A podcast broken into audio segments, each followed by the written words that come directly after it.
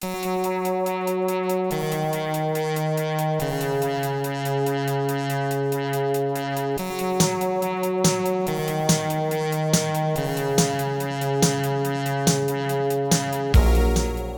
to First Draft with me, Sarah Enni.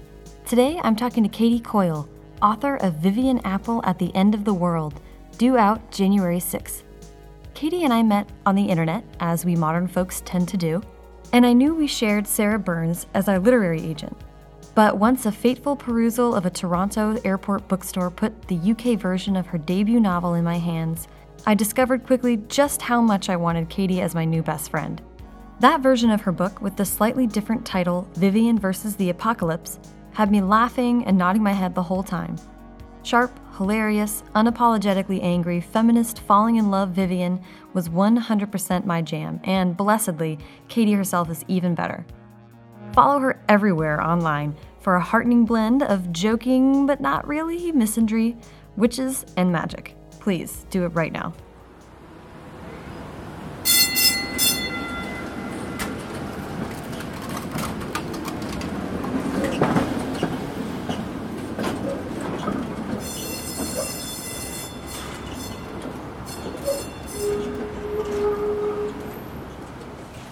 Katie invited me to her adorable apartment near Dolores Park in San Francisco, it felt something like meeting a pen pal for the first time. That analogy feels especially appropriate because, though Katie lives in one of the prettiest parts of one of the coolest cities on earth, she's far from her East Coast origins. She and I share the here for now perspective of the shallow rooted, one foot in making the best of the present another in imagining the wheres and whens of several possible futures. People juggling two coasts bear a recognizable psychic mark, specifically a question mark, right where the idea of home should be, that I think I could probably spot from across a crowded room.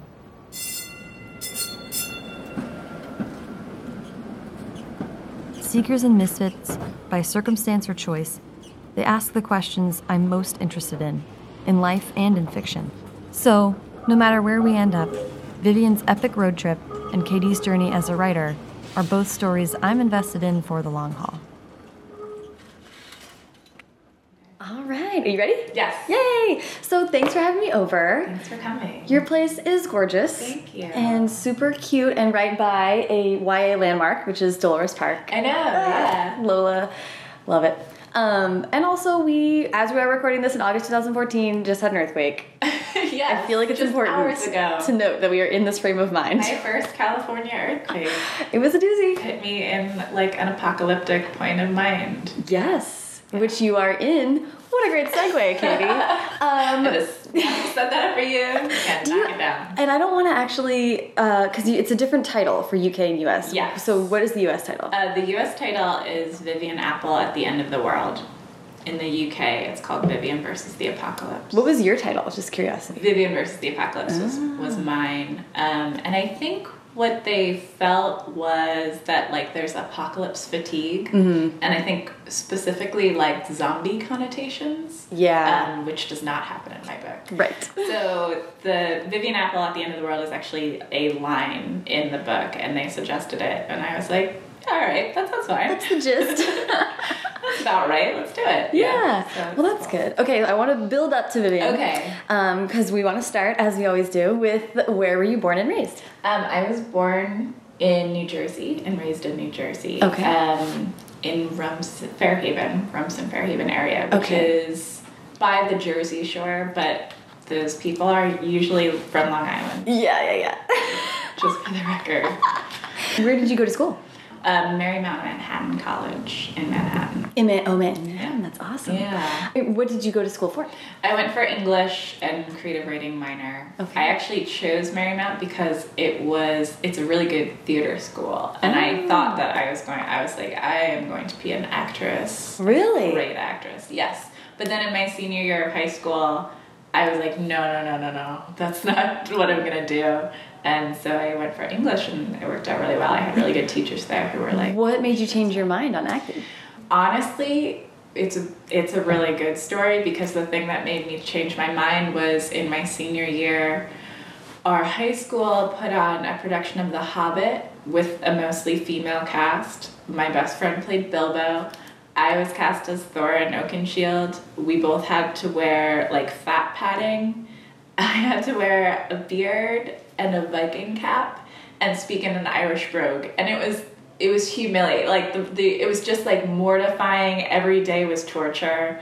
And my friend who played Bilbo is an actress now, and she was like, you know, it's weird, but like this is fun. And I was like, this is not fun for me at all. And that's when I realized like maybe I'm not cut out for this. Maybe I like I'm too aware of what mm-hmm. people are seeing. I can't lose myself in Bilbo right now or in Thorin actually. And so I yeah, I was like maybe I'll maybe I'll rethink this. Okay, so many things about that. Yeah. First of all, yeah, that's fucking awesome. Yeah, I have really good pictures. I like I'll, i can send you a picture of me. And, I would love yeah, that. I would be happy to uh, publicize that. And I was totally trolling your Tumblr to get ready for this interview and saw that picture. Oh yeah, the wedding day picture. Yeah. Uh, and I didn't put it together. Like, yeah, of course that yeah, would have been because the show ended with um, music from Titanic, like the Titanic theme music on the flute. And in the book, Thorin dies. In the play, he didn't die. He came back and was like, Bilbo, you were really brave back there. And Bilbo says, Brave? Me? And then they look out at the audience and put their hands on each other's shoulders, like an arm's length away.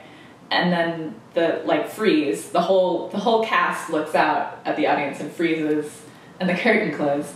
And like no one saw it. No one made fun of me for it to my face about it. It was just like knowing that this was killing me and feeling like if I was a real actress, I would just this would be a challenge. This would be fun. It was not fun. Like I was miserable.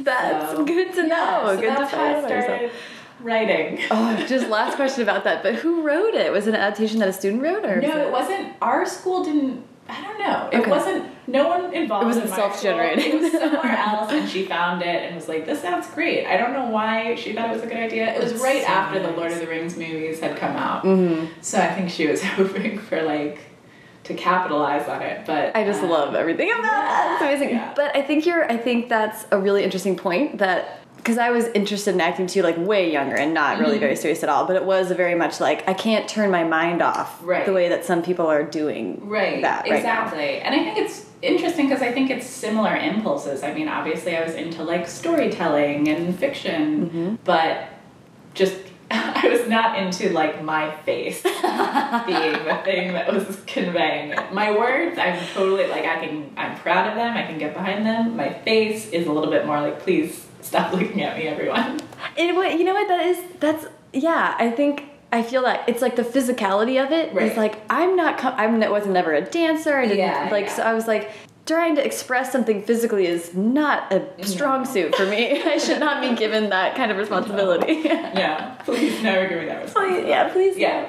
no. Um, that is so interesting. Okay, so you so senior year you're already into school and you decided to change majors, or was that? No, it was it was actually just that I it was probably around the time that I would have had to like audition to get into the theater program. I had been accepted to the school, but I had to start setting up an audition, and it was early, this was in the fall of my senior year, and I was like, you know what, this isn't quite right. And I at the same time that that was happening, I had a really great um, English teacher who was really supportive. I mean, right from the first thing I turned into him, he was like, "This is like really good. Like you should keep doing this." And so I think, and I'd always been writing, but I think that was sort of when I thought like, "Oh, Maybe like, more. I'm not totally untalented. I have things I can pursue." So when did you actually start writing for fun? I, I always wrote stories as a kid, but in high school, early on in high school, I started writing a lot. Like for my friends, I would write these like really long fairy tales and put them all in as characters and pass them around.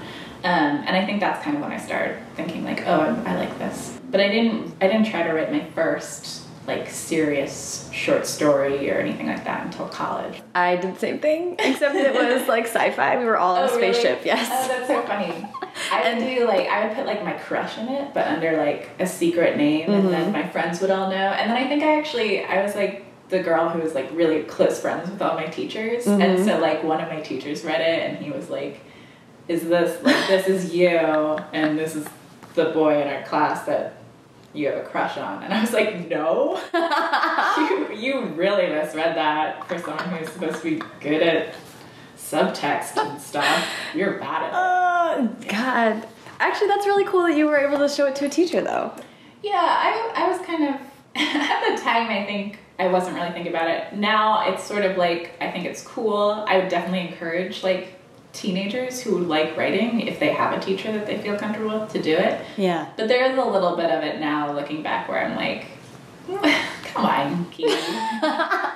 this is why you don't have a boyfriend. Because you're hanging out with your teacher after class going like, check out this hilarious thing I wrote. So, uh-huh. Yeah. But it's cool that you felt supported like that. Yeah, that was great. All that was good. That's so funny. um, then you started to get sort of serious in college. Yeah. And it was short stories first? Yes. Yeah. What was appealing about that format for you? I think it was kind of just that I thought I wouldn't know how to write a novel. Like, I think that's a thing that a lot of people who take creative work, creative writing workshop classes feel is like it's it's hard to write a novel in that context. Um, Yeah. And so I think I just didn't have that ambition for a while. Um, and I like. I love short stories. I most of my favorite writers are short story writers, really. And so I think I I just enjoyed that. I it, you get to the end so much faster, and so the satisfaction of finishing it comes much quicker. I think that's probably why I started. Yeah. It's it's hard to workshop 80,000 words. Right. It's hard to be like, I'm gonna give you this chapter. It's like five chapters in. You'll figure it out. Right. Yeah. Yeah. So when did well? So you're in college. You're writing short stories. Mm-hmm. Do you try to get published? Are you trying to submit? Um, I submitted a little bit in college and got rejected every time. And then I I got my MFA after college. Okay. I took a year to work as a receptionist in a bank and was not good at it. Ah. Um, and then I went to uh, University of Pittsburgh for my MFA. Okay. And when I was at Pitt, in probably in like my second year at Pitt, I started submitting things with varying levels of success, but more success Yeah. than I had had. So And from the beginning of writing in a more serious way, was it? Did you tend toward a young adult voice? Ooh, that's interesting. Um, yes. So the first short story that I wrote, I was 18, and it was about a teenage girl, and it was very close to YA. I think I probably thought like this. This isn't YA. This is serious fiction, um, but it was about a teenager and teenage concerns, and from that point of view. Um, Did you know about YA then? Did you? Did was it a conscious thought of what I YA was? So Okay. no, I don't think I started having. I, I think it was wasn't until grad school that I realized that there was like a separation between these two things. Yeah, I wrote a couple of stories in college that were probably YA, and then then I did start to feel kind of a pressure of like, no, I'm I'm a serious writer. I am going to write about um, adult men who I know so much about as a 21 year old and uh, who I really relate to. Um, and I think I think that's a pretty standard thing. I mean, all the Mhm. fiction that I was reading was about adult men and adult men concerns, and so I thought, yeah, this is how you do it. And I did that in grad school too. I kind of for my first year, I really stuck to that, and then the thing that changed it was um, my summer after my first year of grad school. I was just looking for books in the library, and I went into the YA, YA section, and I found Pretty Monsters by Kelly Link. Ooh. Yeah. Um, it's a short story collection. It's an amazing collection. I love that book so much. And it's so fun and it's like crazy stuff happening to teenagers and fantasy and all sorts of weird elements. And That's I was awesome. like, oh, you can write like this. Like, this is a thing you can do. And it totally like blew my mind. And then when I came back in my second year, I just started writing what I wanted to write, which was about teenagers. And Yeah. haven't written about an adult in a really long time. Thank God. Um, how was that received in your program? it was interesting. A lot of people ask now, like, oh, everybody must have hated that, but I didn't really feel that way. I mean, there was it was sort of the same thing that happens anytime you write anything in a writing class or Right. program where there's a group of people who get it and who are like, we like this, it's funny. Um, and there's a group of people who think, you know, this isn't serious. And I think there were people who probably thought it wasn't serious, um, who they're very vocal about it. I mean, they they don't like it. Uh, Yeah. No one said, Katie, definitely keep doing this, but no one said, Katie, definitely stop. My friends were receptive to it, and the people who I like could already tell I got and was on the same wavelength Yeah. as they were like, yeah, this is fun, like keep doing this sort of thing. There was one girl who asked me if she could give a story that I had written about teenagers to one of her students, and she said, you know, this student keeps writing weird stuff about teenagers, and I want her to stop. And I didn't really know if she meant like, because yours is good, it'll show her that hers isn't good, or if she was like, to show her that like there's only so far you could go. But I was like, yeah, I guess you could give it to her. I don't, What? I don't know if that will help her. Um, That's so weird. Yeah. Wait, an, an, an MFA student or a, yes, she was teaching undergraduates, I guess. Um, yeah, that is kooky. I know it was a little weird. So there was like that Hmm. kind of thing where you weren't really sure what people were making of it. Mhm. Um, I was sad for the undergraduate who was being told to stop doing what she was naturally inclined to do. I am desperate to find this undergraduate I and hear how reading your story, whether it encouraged her or I how that was I received. know. I was so taken aback by it that I didn't. I just sort of said like, "Oh yeah, send it to her." But then I was like, "Can you give me your email address?" I didn't ask for it, but Hmm. now I wish I had been able to be like, "Hey, I don't know what you're writing, but keep doing it." Yeah. Yeah. There were. I mean, there were just a couple weird things. The other big one was at a reading. Um, I read one of my short stories, and I opened it up by saying it was part of my MFA manuscript, which was all short stories about teenagers. And I said, it's a collection about weird things happening to teenagers. And it's called, before I could say the title of my manuscript, a guy who I didn't know called out, it's called Twilight. And then everyone laughed. And like, I had to laugh too. You can't Yeah. be like, hey man, Yeah. here's why you're off base. Um, so I was just like, ha ha, no. God. Yeah. That's crazy. So there are things like that. But for the most part, there were teachers who were into it. There were teachers who weren't. I mean, there was it was all over the board, kind of. But that helps actually contextualize it. So you were starting to explore teenage stories at the time when Twilight was like Yes. an understood phenomenon. Twilight, I think, had ended before I was in grad school. Okay. But the movies were still coming out, and it was still very much Yeah. part of the conversation. Yeah. I actually wrote a paper in grad school about Twilight. Really? Yeah, and I read all the books for the paper, and, and I feel like I'm a Twilight expert now. Yeah. What was the paper about, if you don't mind me asking? It was about, the class was about like the canon, the canon of literature, and how mm-hmm. we decide what goes in the canon. I really just wanted an excuse to not have to write about like serious literature. I'm mm-hmm. using square, scare quotes. um, so it was just about how do you, how does like the canon approach something like Twilight that critics think is terrible, but is mm-hmm. like beloved by the people who love it. Yeah. I don't know that I came up with any conclusions, but I was just like, people love it. Get over it, guys. Yeah. So you sort of discover YA and like not not looking back. Yes. Um, which is awesome.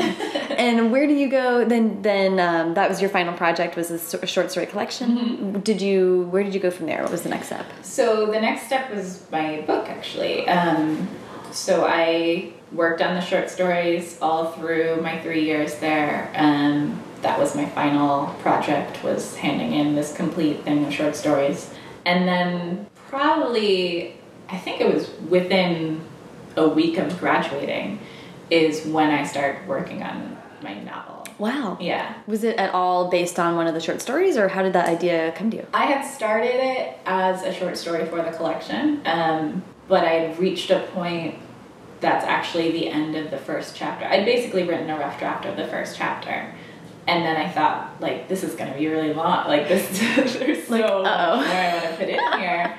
Um, so I scratched it from the from the manuscript, but had saved it in my head. And well, it was there was a contest. That was how I started writing it. So Yeah. I, guess I should talk about the contest. Yeah, I want to get into that a little bit. But first, I want to just ask about the experience of having. Was that the first idea that you were sort of like, oh no, this is going to be a full book? Uh, No, not exactly. I'd had other ideas before where I was like, oh, that could be a novel. Mm-hmm. But then when I started to plan it and organize it, I, it was so like wispy and like I had this idea about a girl in this place, but not enough. Like there wasn't enough to like hook onto. Mm-hmm. That was definitely a first one where I had this idea, and then as I was writing it, had like just everything else start tumbling out of like, oh, like the world around her is so much bigger than than just a girl in a place, which Yes. is how most of my previous attempts had started. So yeah, it definitely was the first time that I really thought like this is maybe something special and not Yeah. just Was it scary? um, yeah, I think I just didn't. It was and it wasn't because I didn't think about it as something that had to get like done right away. It was just sort of like see where that goes. Like, Yeah. I'll, I'll play with this a little. Like a new challenge. yeah. So then you start writing the book, and was yeah, definitely get into the contest. How when did that start to factor? in? Okay, I think they announced the contest in April 2012, which was my last month of grad school. And I saw it on Neil Gaiman's Tumblr, just like because it, so it was a contest called the Young Writers Prize by Hot Key Books, which is my British publisher. Mm-hmm. They were sponsoring it along with the Guardian newspaper, and they were looking for unagented writers between 18 and 25, which I was. I mm-hmm. think I was 24 the first leg of the contest was to send a first chapter and a synopsis. So as I was graduating, I was fin- I was trying to enter the contest. Wow. I saw the contest and I was like, oh, I have this idea, like I could do it. And you did already have a chapter. And I had a chapter. I had to work out the synopsis, but I mm-hmm. had I had a rough draft of the chapter. So I had seen the post, Neil Gaiman's post, and kind of been like, oh, maybe. And then my husband, boyfriend, came home and was like, "Did you see that? You're doing that." And I was like, "Okay, that like I, It's a sign. Yeah. So I sent that in in May, and then the next leg was in early September. They contacted a long list of ten people, I think, mm-hmm. to ask for a full manuscript. So in that time between May and September, I did not write very much of it because I kind of just thought, you know, I gave it a shot, but there are a lot of people entering. I wrote maybe three more chapters, um, and then like little bits and pieces throughout. Um, but during that time, that was when I got engaged, and then my husband got a job in San Francisco. We were living in Pittsburgh. We were moving to San Francisco. Like it was this crazy time. Um, so I wasn't writing very much of it. Uh, but then in September, they contacted me and they were like, "We'd love to see the full book by the end of September." Really? Yeah. Um, oh my god. and we had just, I got that email maybe three days after we moved here. Yeah. Wow. So And did you did you have a job moving here, or was it was it? I had just gotten a temp job, a full time temp job, and I think I had just agreed to it, and then I got the email that was like, "We want this full book," and so I was super excited and like, "That's so exciting! I like this idea," but I said to Kevin, my husband, "I don't think that I can do this. I mm-hmm. mean. They're asking for this in like three weeks," and he is really great, but he was like you need to try. You know, this is a huge opportunity. Obviously, it's very hard to write a book in that time, but Yeah. you know, you need to give it a shot. So I did, and I would wake up every morning at like 4:30 a.m. and write till 7:30, and then go to this job, write during my lunch break, come home, write till midnight, and it, Wow. like every waking moment weekends were entirely that and we had just moved here he was like buying furniture on the weekends and i was just like in here sitting at a chair writing it um, In an empty, I'm picturing in an empty In an empty apartment, apartment. just frazzled and. totally frazzled um, but i got it done i finished Yeah. it and sent it in and then found out i was on a short list and then found out i won and then was able to revise it thank god because it was very messy Yeah. um, yeah Do you think for I'm curious about what you feel like whether having that pressure like looking back, maybe a positive? It was your first full book. Yes. And you just sort of had no time to second I had, guess. I had no time at all to second guess, and I think that I would not have been able to write it if I hadn't had that pressure. yeah. Um,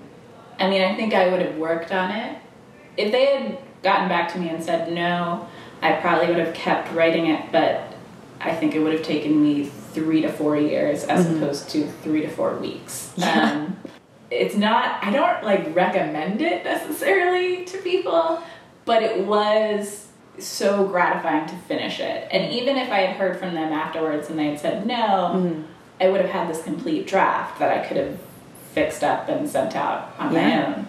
So it was it was a huge deal to me to be able to say like okay I can I can write a book it's terrible there are huge black holes lots of things don't make sense in here but I wrote it and it's done and it's 250 pages and that's something Like, Yeah. that's something to be proud of so I think a lot about that the moment that I like I opened the email and saw that they wanted the full book and I like went in and talked to my husband and said like I don't I don't think so and if he had just been like yeah that seems really hard Mhm. then I don't know I probably would still be writing it or I would have given up on it already and. I'd be temping all the time and Yeah, life would be crazy. different. yeah it's pretty crazy That's wild. Well, good for him and good I for know. you. he's he was indispensable to this process Yeah, well, that's the best kind of support. Is not Yeah. not necessarily someone, and that's like a struggle in a relationship. Is when are you just like comforter, and when are you like no, Right. Like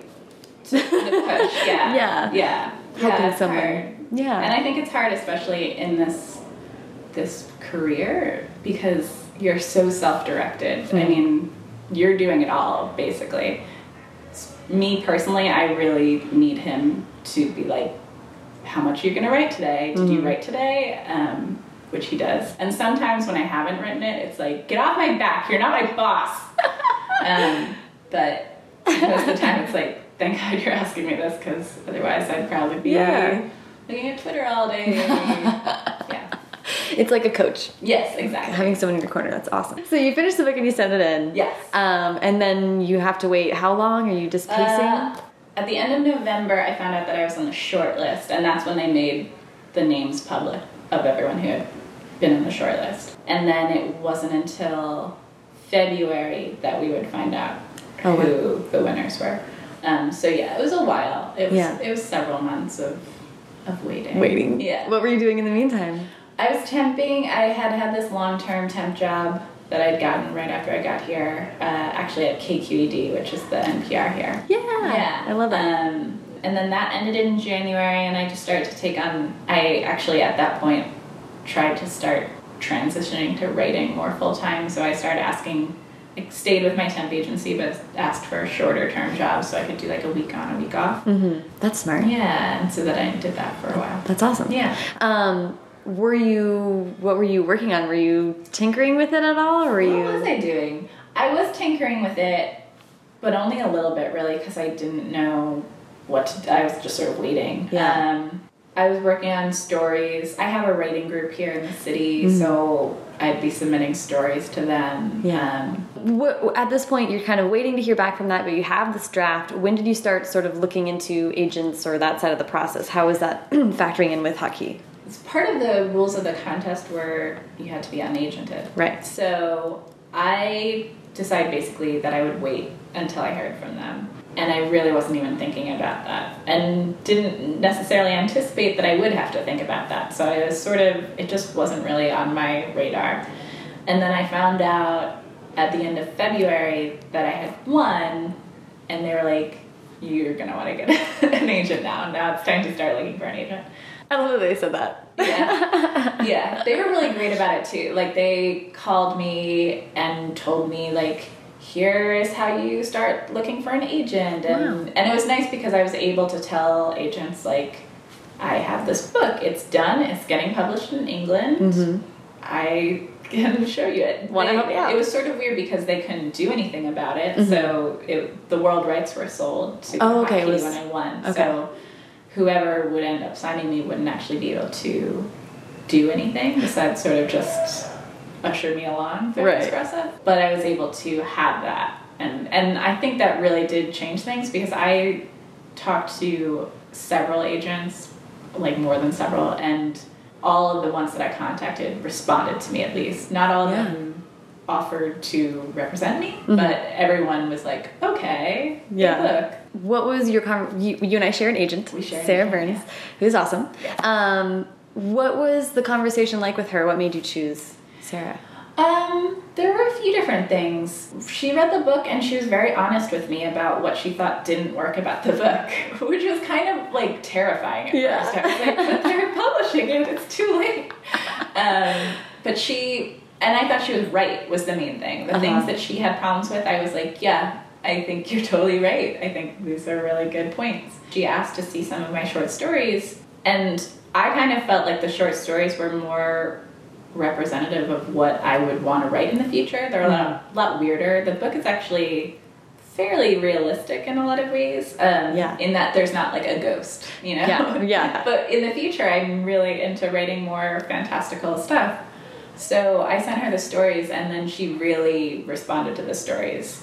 No one else, the other people I had spoken to, didn't really care about the stories. They were kind of like, yeah, yeah, yeah, like Interesting. we'll we'll talk about that later. But she was like, yes, this is I'm into this. That's and, cool. And that was kind of where my heart was. So to see someone reach out for that was like sort of what made me just feel like, yeah, this Mm-hmm. is this is a good fit. The sequel had the had you always had the sequel in mind? Was that always When I wrote the first one, I had in my head the thought this could be a standalone book, I think. It has a bit of an open ended ending, but I felt like it was the kind of open ended ending that if I was a reader and I didn't get past that point, I'd have I'd be at peace with it. Yeah. I think I, I would be able to get past it.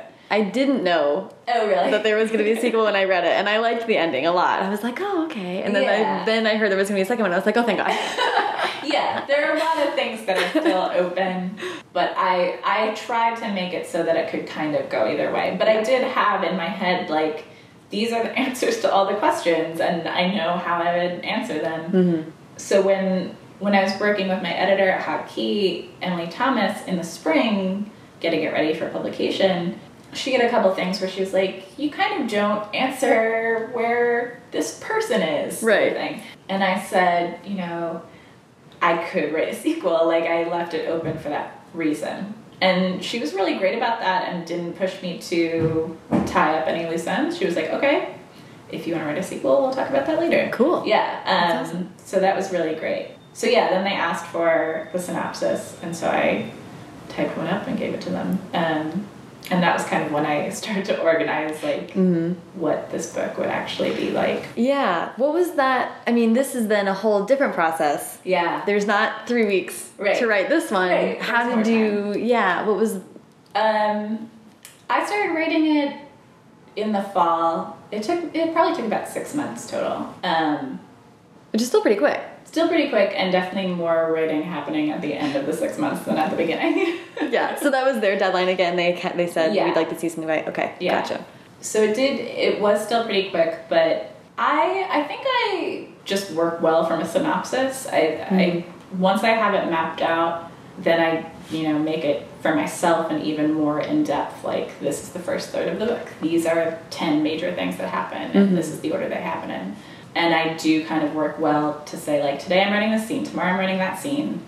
They're terrible. They're like really sloppy. The conversations don't sound like human beings talking to each other, but they're done. And now we move on to this next thing and Yeah. fix it later. So yeah, it was a little different because I had more time, and I did at the beginning sort of just like lie in that time and Yeah. let it wash over me. I'm taking stages to think about things. Yeah. Um, and then got to the point where I was like, oh, they really want this. I need to write this. Uh, so that's that's not necessarily very professional. That's how I wrote it. I think that's how writers work. Yeah. We're, we're a mishmash. Um, Yeah. What was it like? I feel like sequels are. Second books are tough, I think, generally for people. Yeah. Sequels are tough for Yeah. people. You, this is both. Yeah. what was that it like? was challenging, and I I still feel a little. I'm I'm at a weird point now where it's coming out in a couple weeks, but I like I don't know. Like, is it good? I have no idea. they seem to like it, but I I don't know. Um, and I'm happy with with large parts of it. Mm-hmm. I, there are parts that I think about, like if I had had two years to write this book, Right. I would have really gotten in depth here and Mm-hmm. really dug into things. But for the most part, I think I said what I wanted to say. But it was super challenging, and it was hard to. When I started writing it, I hadn't been with those characters in like maybe six months or so. Yeah. Or even longer, actually. Probably closer to a year, I guess. It was kind of that weird thing of like, oh yeah, I need to get back in their heads and I need to get this, you know, dialogue between them and this chemistry between these two correct. And so that was hard at first. And it was hard to pace things out and Yeah. but again, I think having the the deadline sped me along and I think I'm the sort of person who if I wrote a first book and then hadn't had a sequel, just been able to write whatever I wanted for a second book, it would have taken me several years. Yeah, And, yeah. and I don't think I want to work like that. Like I Mm. It might not always be perfect, but I like having things moving. Yeah. There. Uh, this whole summer has been a lot of for me like a- big point of emphasis for myself has been like don't let the perfect be the enemy of the good Yeah. and oh, just yeah, totally. act on things just make things happen have things out there even if they're not perfect it helps Right. to just have something going on Because the worst that happens is that someone doesn't like it, and that's tough. At first, it's really tough. I mean, like my the first bad review I read of it is like etched on my brain, Oh, and I think that was actually one of the things that slowed me down at the beginning of writing the sequel. Is I I read like a really bad one, and I was like, this person's right. But I mean, that's that's my fault. Yeah. I I'm a firm believer that I shouldn't be reading those at all. Um, are you no review policy now I no, I'm not strong enough for that. I go onto Goodreads and I read like five and four stars.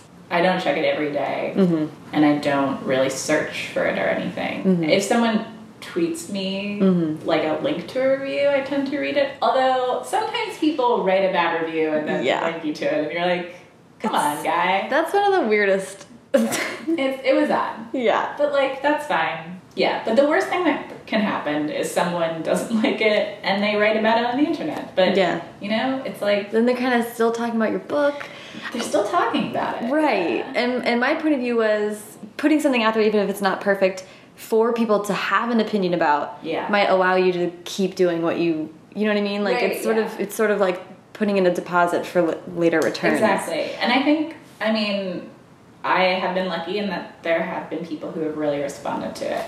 It's a weird thing because people are not writing the review for you. They're writing it for themselves, they're writing it for other readers or their friends. Mhm. but when it's a good review it really does make me go like this kid in wales really loves it and like can't wait for the sequel and i have to write it for this kid in wales and that's crazy and really good but Yeah. i've gotten to the point where knowing that there's some other kid who mm-hmm. really hated it that doesn't it's not important Okay, so now I want to back up and talk about Vivian. okay Because I fucking love this book so much. Love, love, love it. Um, and I liked a lot that it was, it, it, like you said, it is a realistic, it's a big event happening to a small story, mm-hmm. which is like my favorite kind of story. I don't mm-hmm. know. It, what were you, it's like a, like you said, apocalypse fatigue. Like there's been a lot of end of the world stories that are like out there. Not that I find them all, I like and signed on for all of the end of the world stories. i'm really fatigued by that Yeah. i'm fine Yeah. But knowing that that's sort of out there, how did you want to approach it and make it stand out as a? I had been reading a lot of YA dystopia and enjoying them, but I did feel I was frustrated by love triangles and I was frustrated by especially dystopias that didn't feel like they had any relationship to the real world, which classically that is what a dystopia is. It's the real world gone super wrong. Mm-hmm. And some of them felt to me more like thought experiments about like what if this one little thing was different for some reason. And mm. they were interesting for that. But I think I felt like I went into them thinking that they were going to be more harsh critiques about certain aspects of society and they weren't.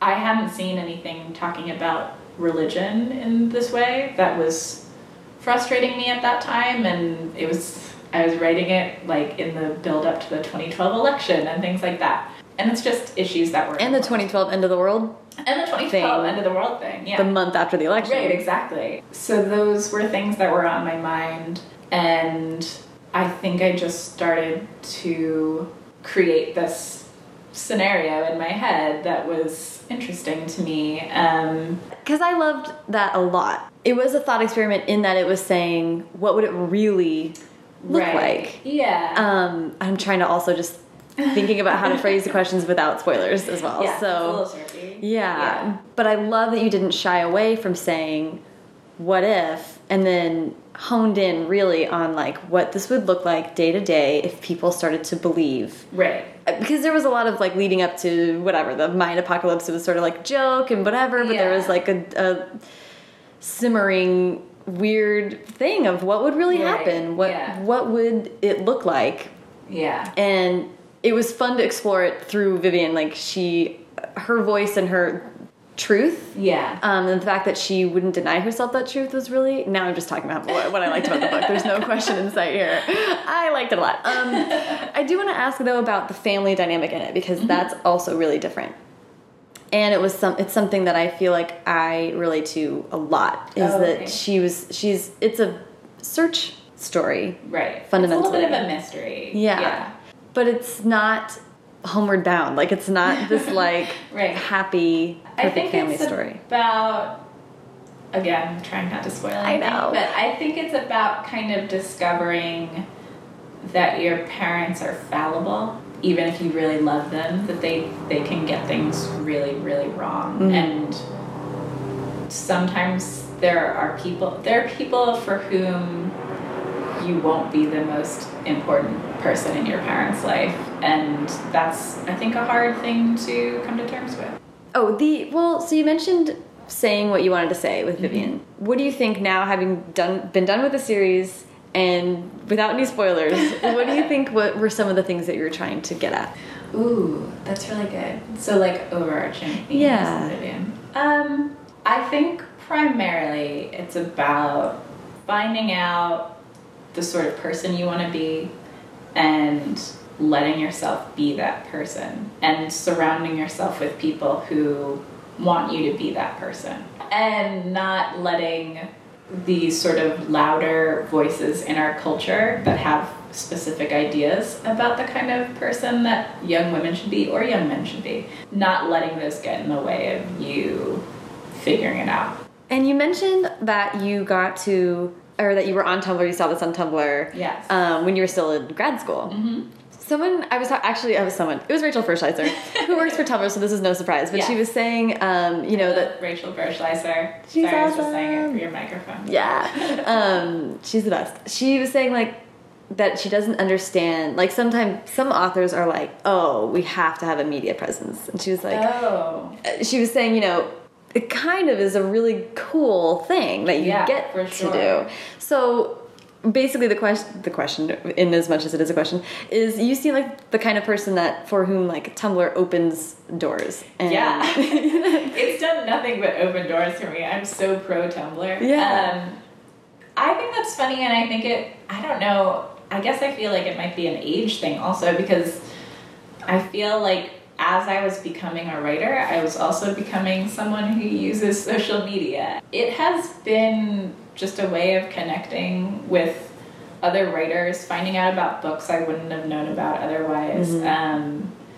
and also honing my voice and picking up on the things that people think are funny or mm-hmm. interesting that I find funny or interesting and mm-hmm. thinking like, oh, if I wrote about this, an audience would respond to it. You know, you spend so much time alone writing and writing in a bubble and finding individual people to talk to about your writing that don't work out. I've had a lot of people where you think like, oh, this could work. I could send you things that I write and you get it, but then they hit a point where you're like, oh, you don't get it. You're not the right person to be reading this. Mhm. But are so many people that you can reach on Tumblr or Twitter.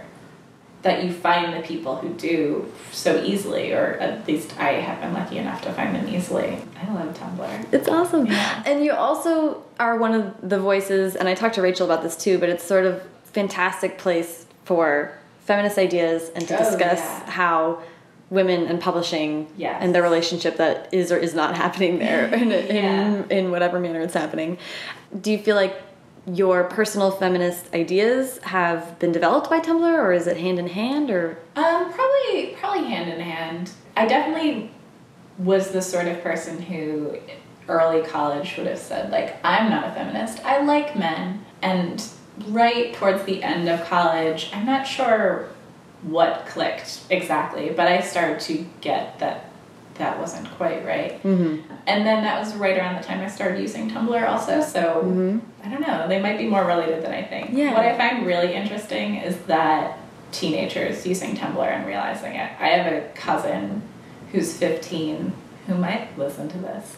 Um, and she has really great Tumblr. She loves One Direction. She loves Five Seconds of Summer. She loves John Green. She just is really in tune to all these things and she loves things mm-hmm. loudly. Mm-hmm. But also, she's she posts like these feminist things and I'm like, how did you know that? Like, how are you already, you're 15, how did you come to this great conclusion already? And it's just because she sees things on Tumblr and yeah her brain has started to expand. So that's super exciting to Yeah. see. it's been huge for me. I was the same exact way of, of a slow development in that Yeah. It just wasn't a conversation that was happening in my home or really Right. amongst my friends. And it is the conversation happening on Tumblr, Yeah. at, at least in the circles that, that whatever, I, the people that I follow. Yeah, is so much conversation about that and, and awareness of it and learning. And I just want to get at, I guess, a little bit of the like, fem, like writing from a feminist point of view. Mm-hmm. I mean, what do you think you really want to try to say in your work about Hmm. Um, women's stories and I don't know. I think with Vivian, I did have some specific feminist points that I Mhm. wanted to make. But in general, it's kind of just about. I'm always going to write about girls. Like Mhm. I, I, I've tried to write about boys, and I have written a few things about boys, and they're always actually about the girls in the story. I'm just a girl. I'm more interested in it. Mhm. That's just how it is. I think the difference is feeling like I'm writing for an audience of teenagers. Mhm. I do feel more of a responsibility to not necessarily make these characters that I'm writing strong female characters who kick a lot of ass. Like they don't all have to be Katniss, although I love Katniss. Right. Just to have girls making their own decisions and not allowing people to speak to them in a certain way or treat them in a certain way and it's the kind of stuff that I think if I had read more of that as a kid, I think it would have helped. Because I think that's the sort of thing that when I started reading it as a 21 year old made me go like, oh, hang on. Yeah. Like I don't have to put up with a lot of this. Mm-hmm. Or I do have to put up with it, but I don't have to put up with it without complaining. right. Yeah. Right, or being vocal about it. I Right. mean, reading Frankie Landau Banks was like one of the first books where I was like, Yeah. holy shit. That's a huge that was a huge one for me. yeah, it Yeah. was enormous. I just finished reading it and was like, I can't read this too many times. There's, Right. there's 700 books in this book, and I need to read all of them. yeah, no, that was a big one, and and just sort of the like, I just felt like I got chills reading that, thinking like, there's there are fourteen year olds out there who are reading this book that says it's not okay for girls to be treated different than boys. And Yeah. it's such a basic concept, but that that particular book is so explicit about it Mhm. that it's just like, oh yeah, keep talking about this. This Yeah. awesome. I think you're writing. I want to talk about news stories. You're writing a news story. I think you've mentioned a little bit about it. Um, you don't have to go into it, but I'm curious about new news stories. You mentioned girl plus place being. Girl plus place. Oh, Is that sort of how new ideas generate for Um, no, I think I've kind of moved on from that. I think actually writing the book and like understanding how to write a book has helped me come up with sharper Mm-hmm.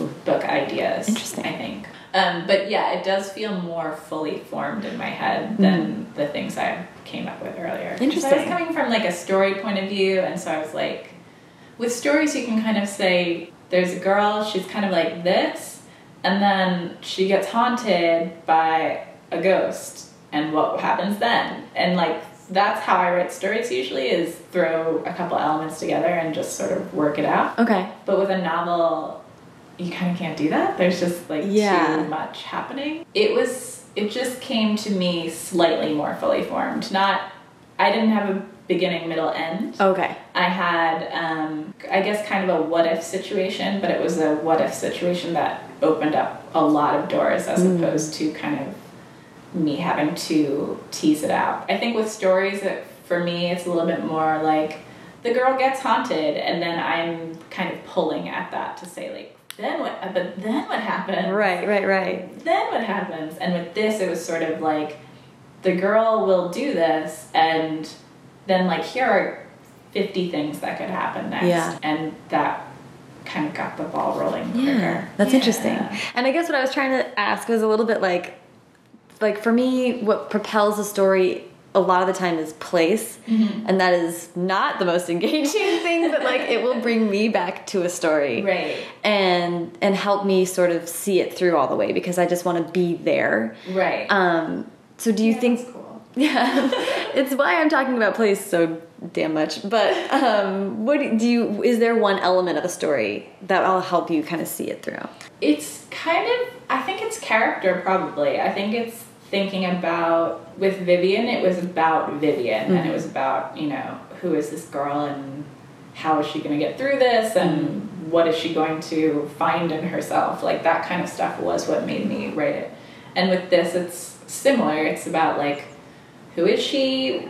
A lot of the story is about the things that she loves and the things that she's passionate about and um, how that shapes her and she hides those things and why is she hiding them and that sort of thing. Yeah. Um, and that's kind of what is opening the doors for me at those moments. That's cool. Yeah. That's really cool. Would you, in the future, be interested in writing adult or trying different type or, or doing a short story collection again? I would definitely love to do a short story collection. I have a lot of stories and more that I want to write, so I would totally be into that. Um, adult, I have no idea. I thought I would hit a point where I'd say like, I'm too removed from this now. I'm going to write about getting a mortgage. I haven't- No, I don't haven't do hit that point yet. I feel like I have several things in my head of projects that interest me, um, and all of them are teenage girls. So. Yeah. um, what do you? What is it that? What's the pull of a teenage girl story? Do you think for you personally? Oh, that's a really good question. I think it's interesting because I think there are the cultural definition of what a teenage girl is is extremely limited, whereas I think teenage girls are the most interesting people on the planet. Every teenage girl I've ever known, including myself and my friends, and I have many cousins and everyone, just is so multifaceted and has specific interests and specific personality traits. And I think in culture, they're kind of lumped into this like screaming mass of girls in leggings and lip gloss sort of thing. Right. I just have a lot of fun chipping away at that. Um, I think that's what intrigues me at this moment. Well, there's a really, really interesting dichotomy between the fact that, to a large extent, teenage girls drive culture I know. and our continual degradation of their that interests. bothers me more than anything in the world. That makes me so furious. I mean, even Twilight, which we were talking about, but Totally.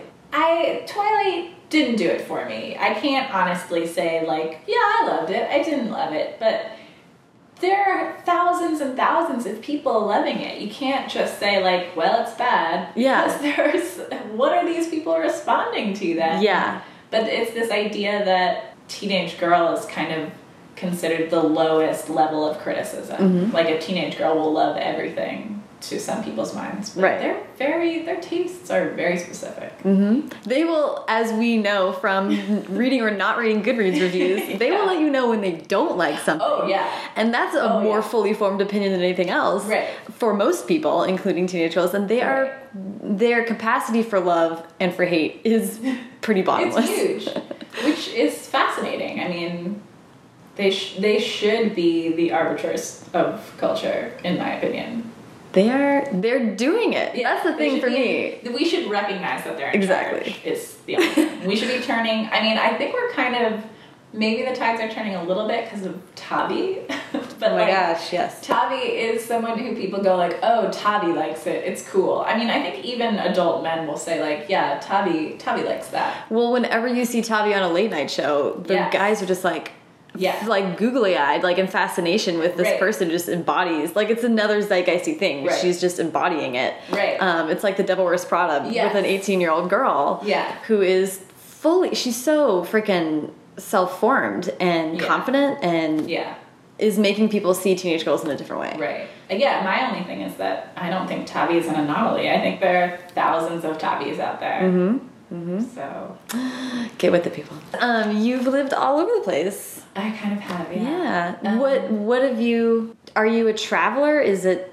Do you like moving? Uh, no.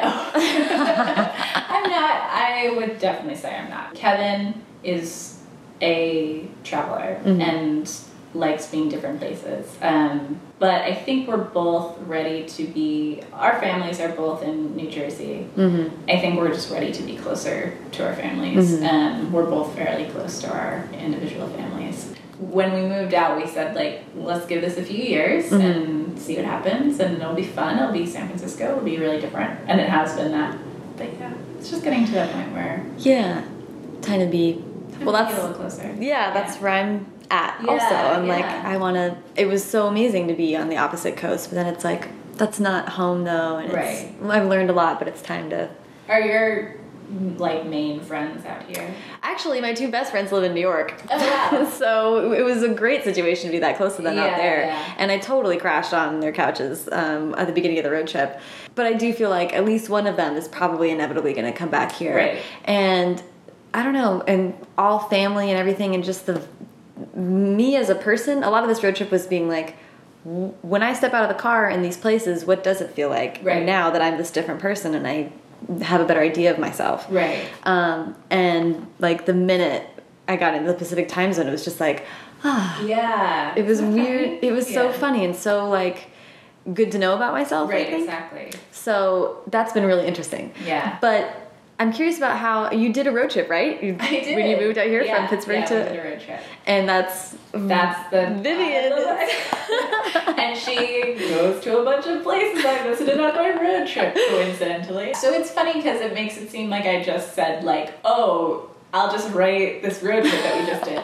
But that had been the plot of the book is really she's gonna do a road trip. It had been before we knew we were moving out here. wow. Yeah. So then it started to like fall into place where he got this job and we were like, do we fly or do we take a road trip? And we were both leaning towards road trip anyway. And then mm-hmm. I was like, you know, the plot of my book is a road trip. Like, Yeah. I think we could probably get some research done. Um, How yeah. did well? How did that's super interesting because then you sort of have this self-directed thing. Did it determine where you wanted to stop? Did you have that in mind the whole time? No, not really. And actually, some of the stops change. Like, she doesn't follow the exact route that I took. And I think they leave from Pittsburgh. Uh, yeah. and we were leaving from New Jersey, so it was a little bit different. But they do. There were points in the road trip where I was like, "Yep, like this is where they'll be at this scene." There's a great, great presidential wax museum outside of Mount Rushmore, which is a major setting in the book. Um, it's no longer a wax museum in the book, but I, I really loved it. And when we were in there, I was like, "This is I'm putting this in there." Um, That's awesome. and conversely, there was a really horrific motel in Nevada that we went to, and that's another major horrifying scene, um, which was my revenge on that horrible motel. So there were things like that that stopped in. Actually, the funniest thing is that I was writing it in this apartment in a rush, and the last scene takes place in this apartment. Like I basically explain, like describe Wow. this apartment. Wow. Yeah. That's really interesting because that Yeah. scene is, and we don't have to include this, but that's not a happy scene. No, it's and you're really. you're writing it about where you live. Yeah, but I'd only lived here for like two weeks, so I was sort of just like, I knew that they were gonna see each other. I knew that she was gonna be in San Francisco, and then I was just like, well, this is the only place I know in San Francisco. Ah, yeah, like, I hadn't been anywhere else, so that's where she ended up. Yeah, it's not the happiest. There's actually another scene in the sequel that takes place in this apartment that's also unhappy now that I think about it. I just made this like a trauma center for Vivian. That, I think it's really interesting. Yeah, I'm super weird. interested about of like just how setting plays in people's personal Yeah. what comes to you when you and there's so many emotional ties to it that you just don't consciously always Yeah, I didn't think about it. It was just like she was walking in. And then Kevin was reading it and she was like, are, he was like, are they walking into our apartment right now? And I was like, yeah, sorry. I couldn't think of anything else. They're, love that. In our living room. in in future stories do does setting come to you as a thing right away or do you have like a choice of where you want to set things No, it's funny. I think um, I tried to do a thing with the my short stories in grad school where they were all in the same place, but it was Oh, a fake town. But it was very similar to the town I grew up in. oh i was gonna say night vale Night Ghosts. Vale. um, it's kind. I guess it's like Night Vale in New Jersey. I like that. Yeah, it was just like give it a name. This happens to be this one town in New Jersey where weird things can happen. it's kind of stephen kingy Yeah, a little bit. like giving Yeah. your stories of one sense of place and Right. And I weird like shit happens from there. Mm-hmm. Idea. It didn't really pan out. um, I tend to go with like fictional places. Vivian is very place focused Mm-hmm. and she goes to all these places that I have lived. So Yeah. that's a weird thing about it. Um, yeah, with other stuff, it's it's usually what I'm picturing as my hometown, and I think that's because I'm writing about probably different versions of myself as a teenager or Yeah. people I wish I could have been as a teenager, but I'm always I can't get past like small town New Jersey um, as where they would live. Yeah. yeah. It also seems though like most of your professional writing life, I mean, be, before like grad school life, all that stuff, Yeah. is you've been away from home. Yeah. So you're I sort of writing- A, yeah, that's funny. No, I do. I think there's something where you're kind of, for me at least, like writing my way back home and Mm-hmm. way. Um, trying to figure out like what that means to me. Mm-hmm. and I don't know that I know necessarily. I don't know what it means that my hometown is filled with ghosts and witches and all sorts of Yeah. things in my short stories, but like that's what it is. So I don't know. I like that. Yeah, I don't know what that is. Because I'm I'm interested if you guys move.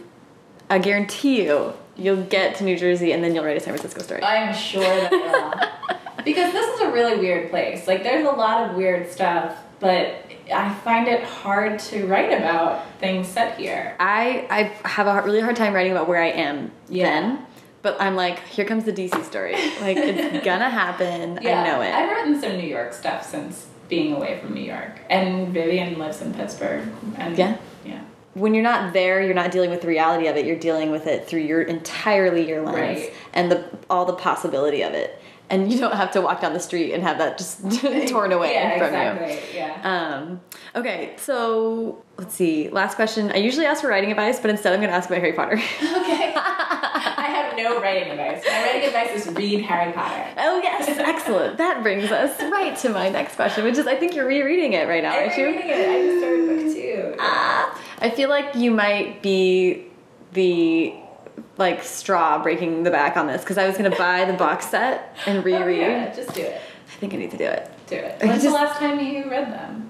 Um, I don't know. Oh, see, I can name the months and years that I last Really? read them. It was only three years ago. That's amazing. And I this year I felt like wow, it's been forever since I reread Harry Potter, and then I like looked at my Goodreads where it's listed, and I was like, no, it wasn't. It was three years ago.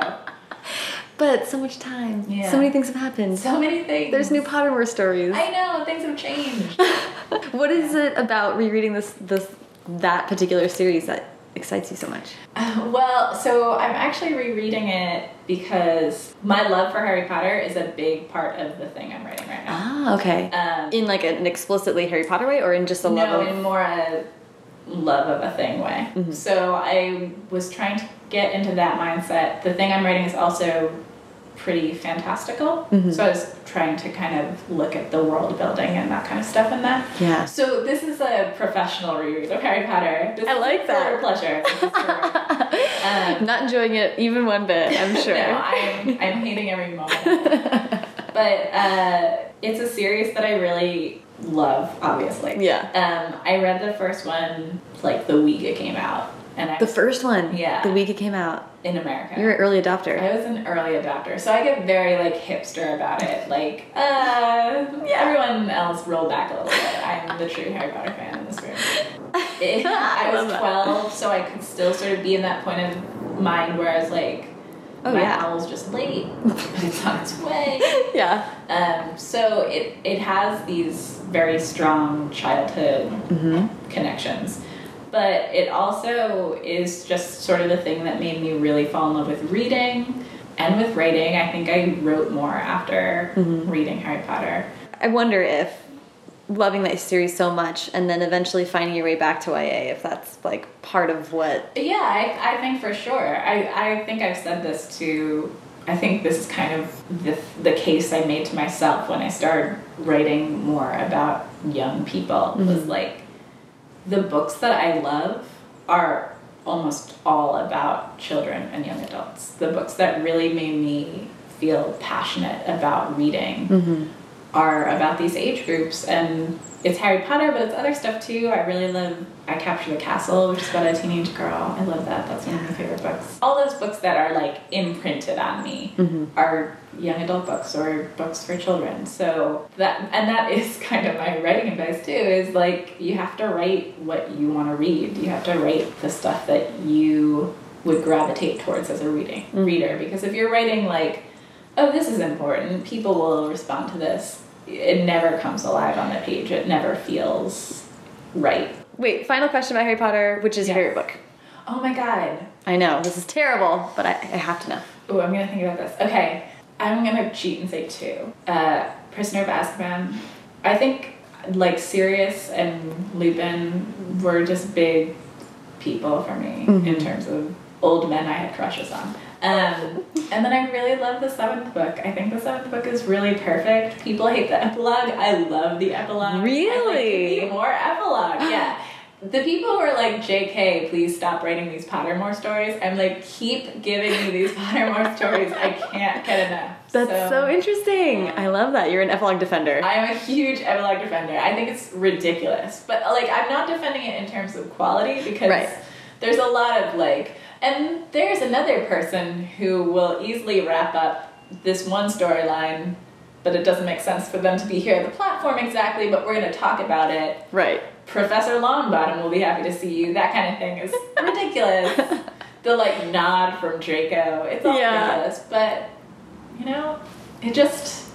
I think about Harry looking at his kids on that train, and I just get chills. So Yeah. Oh, that's awesome. Yeah. Well, that is a great answer. Thank you so much. thank you.